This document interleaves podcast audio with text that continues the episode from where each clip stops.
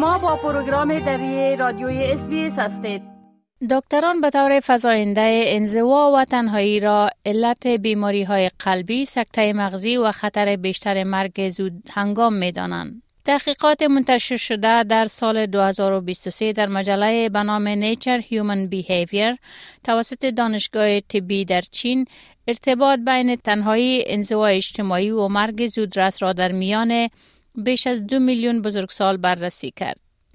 این مطالعه نشان داد افرادی که انزوای اجتماعی را تجربه کرده اند 32 درصد بیشتر در معرض خطر مرگ زودرس هستند. دکتر گراند بلاشکی مشاور صحت روانی در بیان بلوز با عنوان یک دکتر عمومی او می‌گوید تنهایی مزمن با سایر مسائل صحی نیز ارتباط دارد. From the physical point of view, the studies tell us that loneliness is associated with a 30% rise in heart disease and a 30% rise in strokes and an overall increase in premature death that's right up there with smoking and obesity and physical inactivities. We also know that loneliness and social isolation are associated with higher mental health problems. Things like depression, anxiety, and very unfortunately higher suicide rates and dementia 50% more dementia.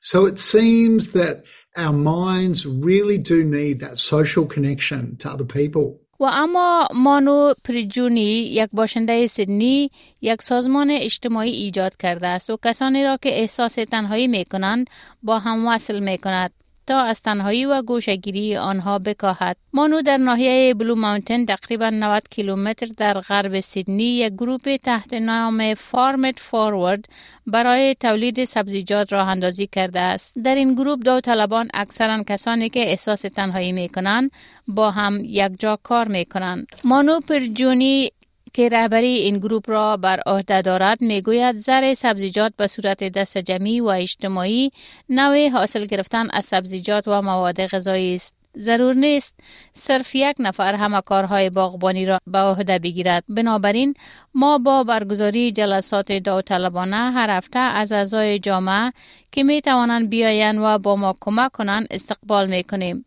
ما متوجه شدیم که افرادی که برای همکاری به مزرعه می آیند و در این کارهای باغبانی با ما سهم می گیرند شامل هر سن سال و جنسیت و فرهنگ های متفاوت هستند و این یک راه عالی برای اتصال اجتماعی مردم در تولید مواد غذایی و رهایی از تنهایی است.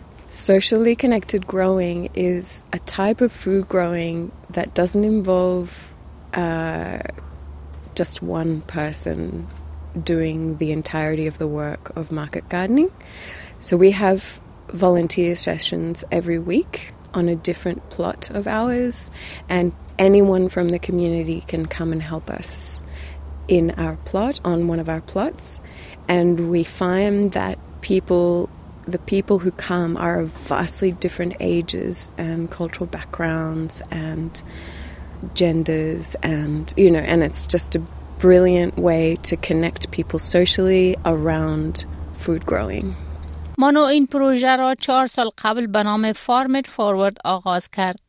از آن زمان داوطلبان 26 تن محصولات زره شده را با وجود خشکسالی و مشکلات کووید 19 به دست آوردند. It's really about bringing vegetable growing back to our towns and cities and the suburban and peri-urban landscapes that we have.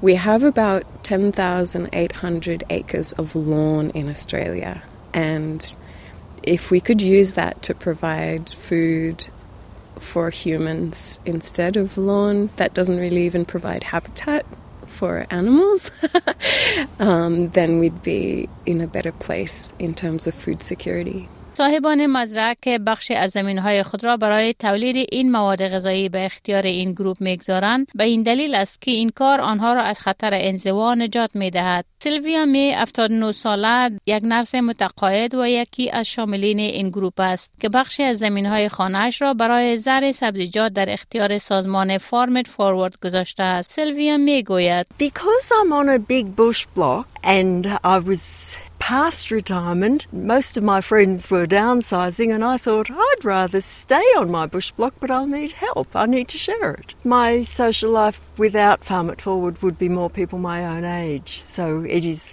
lovely to mix with people of different ages. Just mixing with people of different ages helps me just feel like myself, not an old person. Having a vegetable garden on site where I haven't had to do the work myself is the most amazing luxury. صاحبان زمین مانند می غذای رایگان دریافت می کنند و بقیه حاصلات به طور مستقیم به جامعه فروخته می شود. که به یک تعداد جوانان هم کمک می کند تا حاصلات به دست آمده از این مزاری را بفروشند و برایشان زمینه کار فراهم گردد. این یک برنامه موفق با مزایای بسیار زیاد برای صحتمند بودن است. مانو مزرعه فارمت فورورد را پس از مبارزه طولانی با صحت روانی خودش آغاز کرد. پس از بزرگ شدن در شمال ایتالیا مانو در 19 سالگی به استرالیا مهاجرت کرد و می‌گوید نقل مکان به جامعه کوچک نیمه روستایی در سیدنی برایش نو بود. او می‌گوید از نظر اجتماعی بسیار تنها شده است. به خصوص پس از تولد فرزندانش مانو اکنون از حمایت خانوادهش هم محروم است. تحت هدایت روانشناسش مانو شروع به زرع سبزیجات و مواد غذایی کرد. این کار او را با سایر افراد همفکرش وصل کرد. مانو می‌گوید از بسیاری جهات این گروه برای بسیاری از اعضای این گروه به یک خانواده تبدیل شده است. When I was a young mum with two small children, I remember the thing that really, really helped the most